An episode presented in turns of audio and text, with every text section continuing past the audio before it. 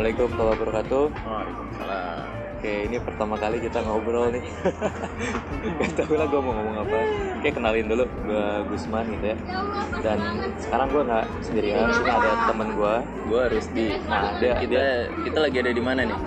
kita lagi di tadi apa bacaan sih? Ini daerah Condet. Condet. Ya di Condet, Iya. di tempat yang Apa tuh? Ini tulisannya gue tiba-tiba ngeblank. tulisannya di sini wahana anak. Kita nggak tahu sih tempatnya di mana, cuman lu kalau ke sini view-nya itu kayak puncak, men. Kayak puncak. Tadi lu lihat namanya nggak? Warung apa sih? Nanti kita Kayu lihat. manis, coy. Nah, warung kayu manis. Ya, yang kayu manis. Nah, lu kalau ke sini, ini view-nya keren. Tapi kita nggak mau bahas ini tempat. Gue kayak lagi ngevlog. kita berdua aduh ada suara pesawat. Nggak apa lah kayak gini dulu Oke, intinya mah kita hari ini mau eh, debut pertama lah ya. Bikin rekaman. Kalau dibilang podcast sih kayaknya nggak layak juga sih. Karena ya ala-ala kayak gini kan gitu. Di tempat umum ada banyak noise yang gua nggak peduli sih. Gua nggak bakal gua hapus juga noise-nya gitu. Kan jadi ya, ya kita hari ini ngobrol aja tentang apa nih yang udah eh, kita siapin buat menyambut bulan yang besar. Lo tau bulan yang besar apa? Bulan apa tuh boy? Bulan apa tuh boy? Biasanya ini nggak usah dibuat-buat. Ya Iya, bulan gue Ramadan lah. ini nih kebanyakan nonton TV ngeliat drama jadi kebanyakan ngeliat orang Iya. dibuat-buat.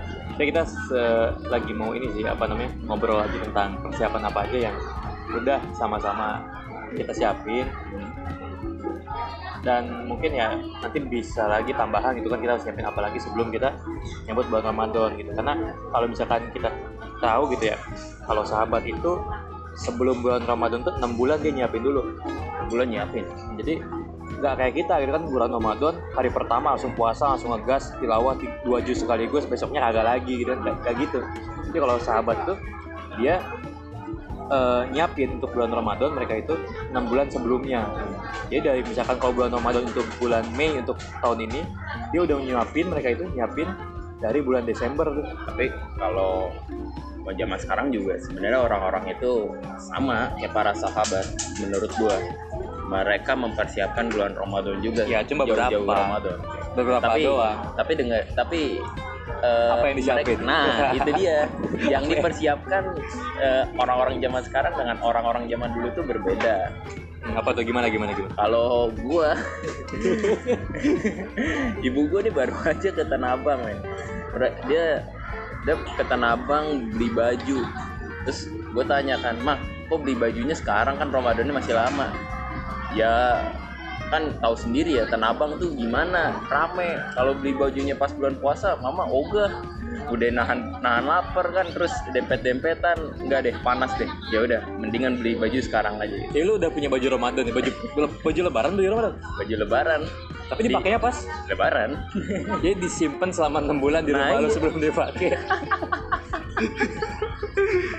itu itu ini banget sih apa budaya sih kalau di gua. Jadi dari dulu kayak gitu. ya begitulah. Emang keluarga lu. sebenarnya gua nggak berniat untuk menjadikan hal itu sebagai bukan budaya tapi ya mau bagaimana supaya orang tua senang juga gitu. Tapi intinya adalah eh, persiapan gitu. Kita eh, awali dengan kata persiapan di bulan Ramadan eh, para sahabat gitu. yang tadi seperti dibilang Bang Gusman yoi Bang. Gusman gua, gua membuat-buat lagi nih Jadi- Natural, natural mungkin. jadi yang dibilang gitu ya eh, para sahabat tadi mempersiapkan bulan Ramadan jauh-jauh hari karena apa karena di bulan Ramadan ini nggak ada satupun amalan yang memang nilainya itu rendah semuanya nilainya tinggi Benar banget. nilainya tinggi Yang sunnah aja rasa wajib gitu kan. Hmm, yang wajib rasa apa tuh rasa iya ya rasa iya iya iya iya Apa sih ya? Gak jelas. garing gue garing terus ya deh Apa? lu lu lu Jadi mau apa? Lanjutin dulu. Lu lagi Nah. minum. Eh, jadi itu ya amalan-amalannya itu nggak ada yang eh, nilainya itu eh, kecil semuanya nilainya itu besar-besar. Itu keutamaan di bulan Ramadan Oke, dan menurut gue sih kalau bulan Ramadan itu kalau yang gua tahu ya dia disebut juga sebagai syarut tarbiyah. Apa artinya dia bulan pendidikan. Dan pendidikan. Dia bulan Ramadan itu adalah bulan di mana kita bakal digempleng habis-habisan supaya hasil akhir kita itu ketika Ramadan beres kita jadi orang-orang yang benar-benar bertakwa. Nah, kalau udah takwa kan artinya dia dekat sama Allah ya? Yang mana kalau udah dekat sama Allah insya Allah semua urusan bakal digampangin sih. Jadi ya bagi gue Ramadan ini penting event yang penting bahkan saking pentingnya tuh Rasul eh, pada saat itu men- bukan mencela sih kan mengamini doa malaikat di mana ketika malaikat bilang semoga Allah titik-titik-titik kepada orang yang melalaikan Ramadan gitu. Wah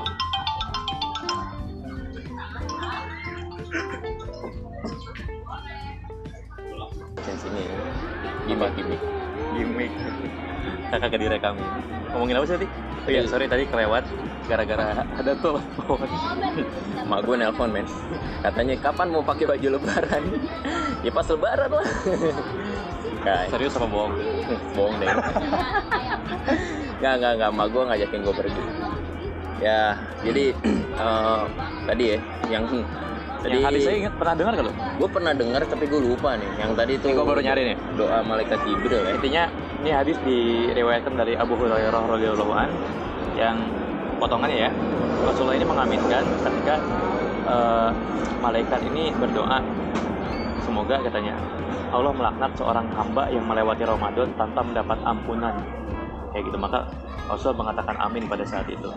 Dari situ jelas banget kalau misalkan orang-orang yang dia ngelewatin Ramadan tanpa beneran dapat ampunan tanpa bisa jadi orang bertakwa tanpa ada perubahan ini orang-orang yang rugi banget saking ruginya didoain sama malaikat biar dilaknat itu kan ngeri juga ya Hmm. maka ya menurut gua persiapan Ramadan ini penting Hmm. Nah, Jadi berhubung sebentar lagi nih kita eh, Ramadan tinggal sebulan lagi, tepat sebulan lagi ya. hmm. Tanggal 5 Mei kalau di kalender Hmm. yang Muhammadiyah sih kalau yang lain katanya tanggal 6 juga Ya, entahlah, Allah alam nunggu hilal. Iya, nunggu hilal.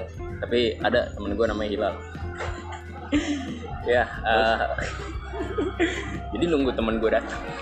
kan namanya Hilal ya. Agak ring mulu gue. ya, eh, Jadi dia gini, lu terus yang udah lu siapin buat Ramadan apa sih? yang udah gue siapin ya. Sama eh, sebenarnya persiapan gue sederhana. Gue berusaha untuk mengevaluasi Ramadan gue di sebelumnya. Ramadan gue di sebelumnya itu eh, jujur ya, gue punya targetan untuk beramal lebih dari hari-hari biasa di, di luar bulan Ramadan. Jadi kalau di hari biasa itu gue biasa untuk tilawah ataupun baca Quran eh, apa barang selembar dua lembar atau sebagainya. Nah di Ramadan gue pengen gencerin itu akhirnya baca satu juz. Syukur-syukur bisa dua juz men. Karena ketika lu baca Quran lu baca Quran rasanya tuh hati lu tenang banget. Pernah ngelewatin kalau baca Quran? Sehari nggak baca Quran ya? gue pernah. Gimana sih? gue gue nggak sebenarnya nggak ngerasa apa-apa.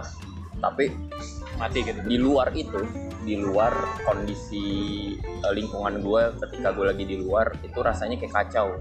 Dan itu beneran Eh, dan gue ketika berpikir apa sih?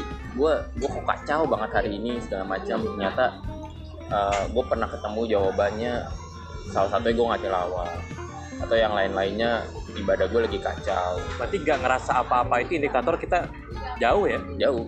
Dari Eh, agama dari Jadi Allah. yang pernah gue baca itu adalah uh, Quran surat Ibrahim.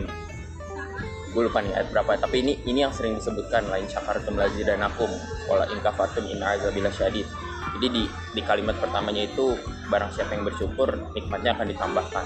Dan di kalimat kedua yang tidak bersyukur, yang kufur sesungguhnya azab Allah sangat pedih. Jadi Iya sih. ketika lu nggak bersyukur akan nikmat Allah, azab Allah sangat pedih. Nah ini sebenarnya adalah kalimat semacam ancaman, gue pikir ya dari eh, sama seperti hadis yang tadi malaikat Jibril itu, Yang melaknat ya. ya yang melak- malaikat Jibril akan melaknat gitu, dan Rasulullah mengaminkan. Ini sebenarnya menurut gue adalah eh, ancaman gitu. Nah namun eh, nggak serta merta untuk akhirnya eh, azab Allah sangat pedih itu diberikan kepada kita kita dimiskinkan atau kita dibikin jelek rupanya kita lo tadi kali ya, nggak ngerasa apa-apa itu nah termasuk azab nggak ya? ngerasa apa-apa itu termasuk azab bener banget jadi kita nggak ngerasa oh ada yang nggak ngerasa kita salah nggak ngerasa kita itu Nggak ngerasa salah tuh bahaya banget pokoknya. nggak ngerasa kita itu apa ya kurang nggak ngerasa kita itu bener-bener eh, ngelewatin sesuatu yang penting gitu. nah itu sebenarnya salah satu azab men Lu kayak dibikin mati nggak sih hatinya? ya Kayak itu kita gini, kulit deh, kulit kita kalau nggak ngerasa apa-apa artinya kan Hmm. kulit kita mati, Hmm. mati rasa disebutkan kan? Hmm. Sama kayak hati kali, kalau hati kita gak ngerasa salah, gak ngerasa seneng, gak ngerasa sedih, ya tanda kali itu hati lagi dimatiin. Hmm. Semacam itu Kali. tapi tapi gue nggak bilang itu matikan hati cuman Itu gua, mungkin, gua, gua pribadi sih. mungkin kalimat itu bisa dipakai tapi eh, intinya adalah Kan belum gue tahu ya. gue nggak ngerasa gue nggak ngerasain apa-apa nah akhirnya eh, di Ramadan itu gue mengevaluasi dan gue berniat intinya sih kita untuk mempersiapkan Ramadan pertama niat dulu ini ini yang paling penting sholat aja pakai niat wudhu aja pakai niat men jadi yang paling penting adalah niat jadi niat kita untuk Ramadan tahun ini tahun besok tahun seterusnya adalah kita bisa lebih baik menjadi orang yang lebih baik dari hari kemarin. Sesuai dengan sabdanya Rasulullah yang lebih baik dari hari ini. Dan gue lupa nih lanjutannya. Tapi kira-kira ada lu lu bisa searching. Ya punya HP kan lah ya. ya jangan malas ya. Tentang-tentang punya otak punya data paket data ya maksudnya bukan bukan data data statistik ya emang lagi pemilu Lu lagi pusing skripsi ya? aduh ngambil data ngambil data mah gampang Ke pulau jadi? jadi Udah. jadi jadi ya insya Allah tanggal 19 besok ya doain ya Besar Semoga 15 saya lagi ya? ah Pas abis milih tuh? iya habis milih habis nyoblos tuh kan tanggal 17 tuh libur 18 itu masuk masuk kerja masuk sekolah segala macam ya. Terus tanggal 19 nya libur lagi itu. Itu kayaknya libur nyepi kalau nggak salah. Ini itu gue jalan kayaknya orang-orang pada tahu tempat ini dah pas tadi gue upload. Hanya deh. nah jadi apa namanya? Si Bang Gusman habis ngaku. Emang cuy apa tadi namanya kayu dapur, manis Dapur kayu manis. dapur kayu manis ini view ini kayak puncak serius kan Cuman panas. cuman panas Serius. cuman cuman lu Cuman dap- panas. cuman dapet view kayak puncak lu bakal apa ya salah sangka gitu orang-orang bakal banyak salah sangka ini lu lagi di kalau kemarin teman gue ngajakin ke sini tuh malam sih, Hmm. gitu kan, sincek tuh, biasa. Jadi kerasa kayak puncak Hmm. di lampu-lampu kelihatan gitu kan kayak lagi di atas gunung kita biasa lah Hmm. gembel di atas gunung gimana sih oke eh, balik lagi ya bulan Ramadan jadi banyak khawatir sumpah dah Jadi di bulan Ramadan itu eh, yang harus dipersiapkan tadi pertama adalah niat. Niat ini ini yang paling penting. Yang kedua adalah targetan lu. Targetan lu itu sebenarnya nggak usah muluk-muluk men. Tadi yang seperti gue bilang, lu kalau misalkan belum bisa beramal banyak di hari biasa, maka lu jangan mencoba untuk membuat targetan amalan banyak di di bulan Ramadan. Karena sama aja lu kayak mau jalan kayak naik motor nih, motor bebek, pasangnya pasang gigi 3, gigi 4. Lambat gak? Lambat. Yo. langsung gitu Iya langsung. Jadi lu beda dengan pasang gigi satu dengan pasang gigi 4 di awal perjalanan. Kalau pasang gigi satu kan cepet ya. Kalau pasang gigi 4 lu lama ngegasnya. Dan itu akan yang lu rasakan ketika lu pasang targetan yang tinggi-tinggi ketika di bulan Ramadan padahal nyatanya lu di hari-hari biasa nggak biasa untuk beramal eh, tinggi-tinggi gitu bahasanya gitu ya. Jadi terlalu apa namanya? Kalau bahasa ini? Idealis. Apa? Bukan. Bukan Gua lupa. Ya entahlah. Muluk lah gitu ya? Nah, muluk kali ya. Jadi eh, bikin targetan, namun targetannya itu adalah targetan yang sekiranya bisa lo lakukan. Ya kalau lu misalkan nggak bisa nggak biasa untuk baca Quran di hari-hari biasa, maka di bulan Ramadan pasang aja target lu baca Quran sama membaca Al-Quran setiap hari ya gitu. Artinya sehari ini nggak eh, lu apa namanya kena Quran lah bahasa kena ya Quran minimal denger Nah, dengar atau baca nih. Ini baca sebenarnya penting juga, men. Karena karena yang lu asup dari bacaan adalah mata lu sama telinga lu sama mulut lu nih dapat pahala. Sedangkan kalau lu nggak dengar, hanya telinga lu yang dapat pahala. Jadi keutamaannya ini lebih besar ketika lu bisa membaca. jadi baca Quran barang selembar dua lembar ini yang biasa gue kasih tahu ke ke siapa ya adik-adik gue kali ya iya, adik-adik bahasa lu. jadi barang selembar dua lembar harus dapat bacaan Quran doang lah ya gak? jangan jus 30 melulu kita kita main-main lah ke jus-jus yang lain ya gak? Siapa tahu ada hikmah yang belum Nah. bisa kita kalau nggak pernah kita temuin Hmm. sebelumnya gitu. lu kalau misalkan apa namanya buka Quran nih kalau misalkan Quran lu ada eh, artinya lu bisa sambil baca artinya syukur-syukur syukur-syukur ya lu bisa dapet hikmah dari arti yang lu baca kalau kata guru ngaji gue demikian Ya, jadi minimal kita minimal lu bisa bahasa Arab. Hmm. barang afwa nih aneh antum ya akhi ya. Kagak sih kalau gua ngelihat dari Quran tuh kadang-kadang sambil belajar bahasa Arab juga. Hmm. Kayak alladzina amanu berarti orang-orang beriman kayak gitu. Iya. Kosak nama kosak kata dikit-dikit lah. Ya, karena memang itu salah satu yang sering ada di Al-Quran Iya. jadi kita lama-lama hafal nah eh, baca Quran ya targetannya itu misalkan ya baca Quran terus eh, sholat duha ya, ataupun sholat raweh. Nah ini sholat raweh nih. Eh, lu mungkin udah pernah dengar kalau sholat raweh adalah sholat yang cuman ada di bulan Ramadan. Dan itu memang benar. Dan ketika lu melewatkannya sebenarnya tuh sayang banget. Karena ini cuman ada di bulan Ramadan. Ibarat kata nih kalau di di mall nih ini limited edition men. Jadi limited edition kita harus dapat nih. Kalau kata icon apa item games ini langka ya. langka rare rare. Rare. rare. Kayak di game apaan sih? banyak lah game. Semua game ada item rare nya jadi eh, apa namanya sholat tahajud. Mungkin untuk info sholat tahajud ya yang memang lu pernah dengar bisa 8 rakaat. Eh, 11 ya 11 sama sama witir. Bisa 23 rakaat eh, sama witir. Lu bisa mencari lebih lanjut sebenarnya ya. Jadi kalau yang gue dengar adalah di zaman Rasulullah SAW itu eh, 8 rakaat ya. Beliau sholat salam eh, sholat taraweh itu 8 rakaat awalnya di rumah sendiri. Dan eh, ujung-ujungnya beliau coba untuk sholat di masjid dekat rumahnya. Karena khawatir eh, dengan beliau sholat di rumah ini jadinya nih kayak apa ya orang-orang yang lain tidak mengikutinya gitu. jadi kayak amalan sunnah biasa. Padahal ini sunnah yang khusus yang ada di bulan Ramadan. Jadi makanya beliau coba untuk akhirnya sholat taraweh di rumah di masjid. Biar orang tahu gitu biar ya. orang tahu. Dan bacaan beliau itu ketika taraweh waktu itu adalah al-baqarah satu satu surat men. Lu tahu al-baqarah 286 ayat satu surat dihabisin. Lanjut lagi Ali Imron di rokat berikutnya. Dong box. Jadi lu lu bayangin aja lu berdiri ngedengerin orang baca 286 ayat yang di mana ayatnya itu ada yang pendek ada yang panjang lu kuat nggak jus, dua jus setengah ya? Dua ya? juz setengah lu lu kuat gak sih berdiri gua gua ngebayanginnya aja udah nggak kuat tuh makanya waktu itu Rasulullah SAW Makanya jangan dibayangin. makanya Rasulullah SAW eh, waktu itu eh, 8 rakaat namun bacaan suratnya itu panjang nggak kayak sekarang tuh alfat apa ya Sama seayat-ayat doang. Iya. Gue pernah sholat gitu, sholat tarawih jadi jam habis isya mulai nih. Hmm. Sebelum jam 8 gue selesai.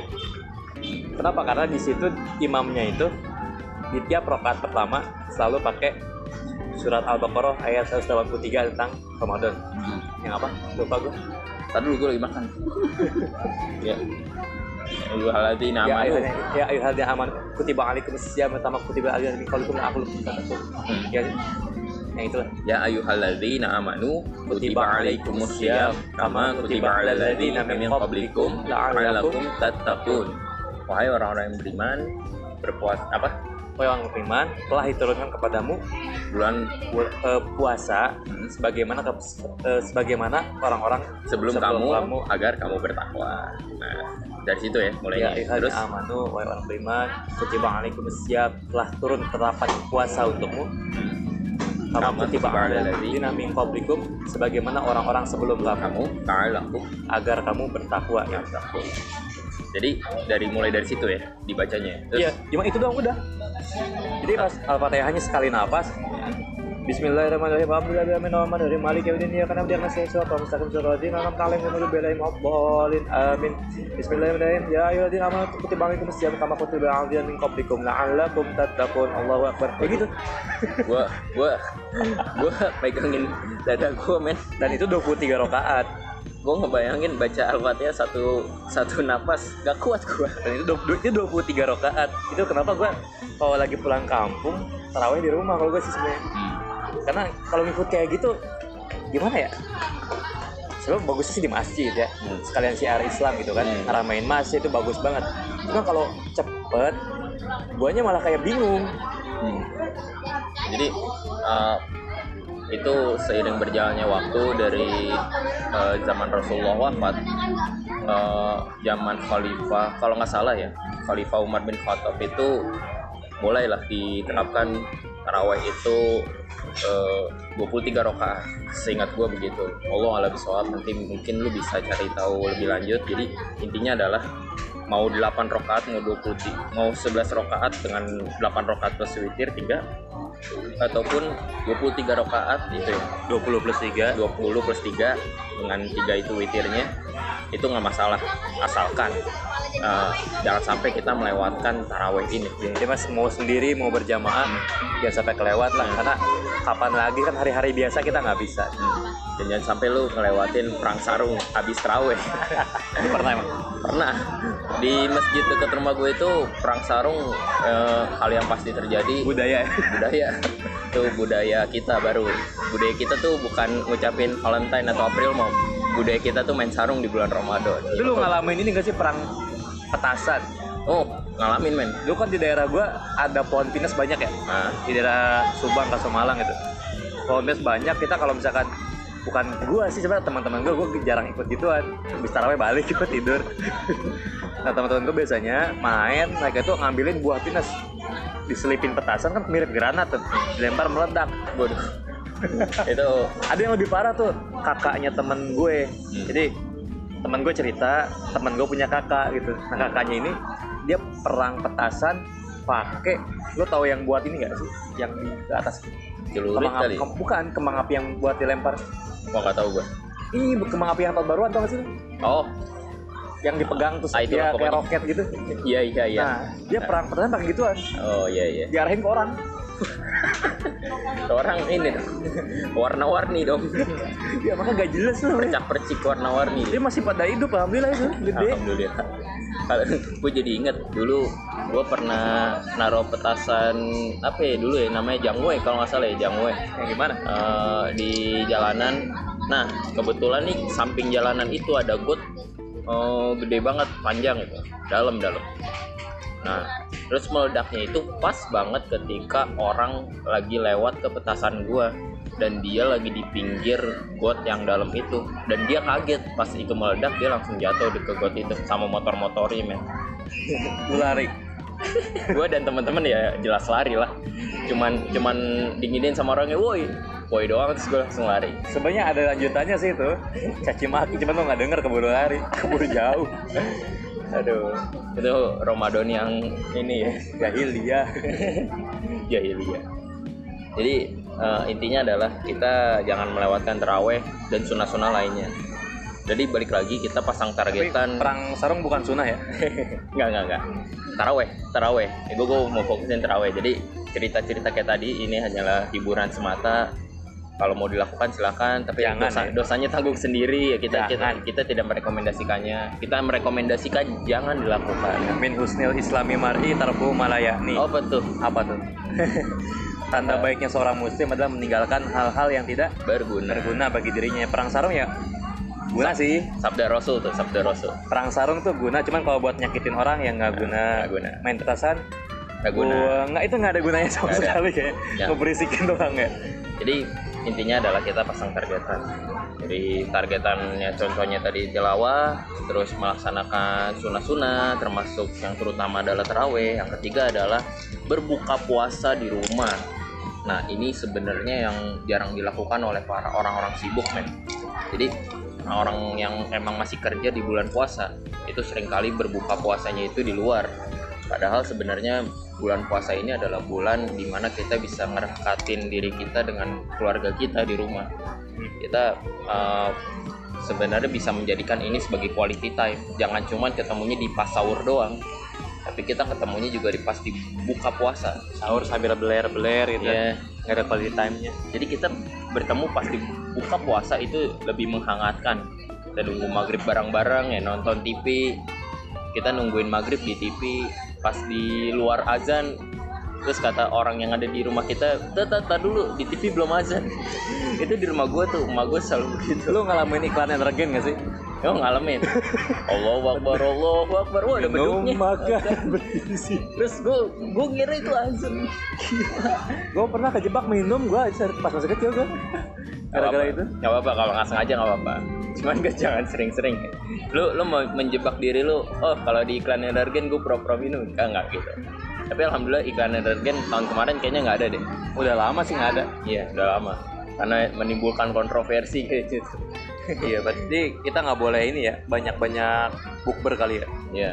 Jadi Jadi bukber juga selain apa ya nguras biaya kadang-kadang kan sekali makan hmm, jarang kali teman-teman diajak burger burger eh apa sih? Bukber. Bukber di warteg ada nggak sih yang mau? Jarang ya? Jarang-jarang kagak ada mah bukber Kecuali Nah, kalau kecuali kalau kita berdua kita berdua papasan nih. Eh, lu di mana? Lu di mana? Kita ke warteg aja. Ya pasti kita berdua bakal ke warteg lah. ya kalau bisa kumpul-kumpul bareng teman-teman lama gitu Nah. bukber kayak minimal tempat-tempat yang harga dua puluh ribuan Iya. Nah, kalau tiap hari kayak gitu bokeh juga kita ya fast food. Nah, tapi nggak jarang juga di balik bukber itu kita uh, sering menentar-entarkan sholat maghrib. Nah, ini sebenarnya yang bahaya. Kita lewat itu tuh Nah, kita mengentar-entarkan, uh, meng- mengundur-undurkan dengan dalih, ah, ntar dulu lah waktunya mas, waktu maghrib masih ada. Padahal waktu maghrib itu sebenarnya lebih sempit dari waktu-waktu sholat yang lain. Dan sholat subuh pun juga demikian, makanya kita jangan sampai menunda-nunda. Kalau bisa kalau udah azan, kita buka sebentar, ya, minum sebentar atau makan dikit, baru nanti kita sholat, baru lanjut makan lagi. Jadi bukber itu juga adalah budaya, bukan budaya kita, tapi dibudaya-budayakan. Nah, ini sebenarnya eh, sisi negatif dari bukber. Maksud untuk silaturahmi, tapi malah eh, membuat kita terjerumus. Jadi eh, cerdaskan diri kita untuk akhirnya eh, bukber boleh, namun jangan sampai terlewat untuk eh, melaksanakan sholat. Jangan sampai kita akhirnya me- memakai bukber ini sebagai dalih untuk melewat-lewatkan sholat, memakai dalih silaturahmi untuk melewat-lewatkan sholat. Ini bahaya, men. Jadi banyakin diri kita untuk akhirnya buka puasa bareng keluarga beneran, jangan keluarga-keluargaan. Mentang-mentang di grup silaturahmi namanya keluarga ya. Keluarga SD Albina Jo. SD ya Enggak, SD gue SD SDN 07 pagi Tebet Barat ya. Tapi gue kayak nggak pernah bukber bareng teman-teman SD, SMP, SM, SMA terakhir kan dulu banget tuh juga. Ya, gua- gua juga kampus doang ya. Akhirnya. kalau gue kampus sama SMA SMA itu yang IPA bagian IPA oh sama ini nih SOTR SOTR racun juga nih men nah sebenarnya SOTR tuh eh, kalau misalkan konsep lu adalah baksos ngasih makan orang di pinggir jalan itu bagus cuman sering kali SOTR itu adalah kegiatan yang vandalisme kalau misalkan kita lihat di luar Rusak gitu ya. Iya, naik motor, eh trek-trekan, ya bareng-barengan, bawa bendera slang, bawa bendera slang, habis dari konser ya. Jadi bawa bendera segala macam itu SMA gue begitu tuh, SMA N 7 Jakarta. Tapi gue nggak pernah ikut, kayaknya nggak tahu. Gue pernah ikut sekali dan itu eh, dari titik sekolah gue yang lama, sekolah gue tuh ada di karet ya. Ada speaker masjid. Nah, ilahi bener. Nah,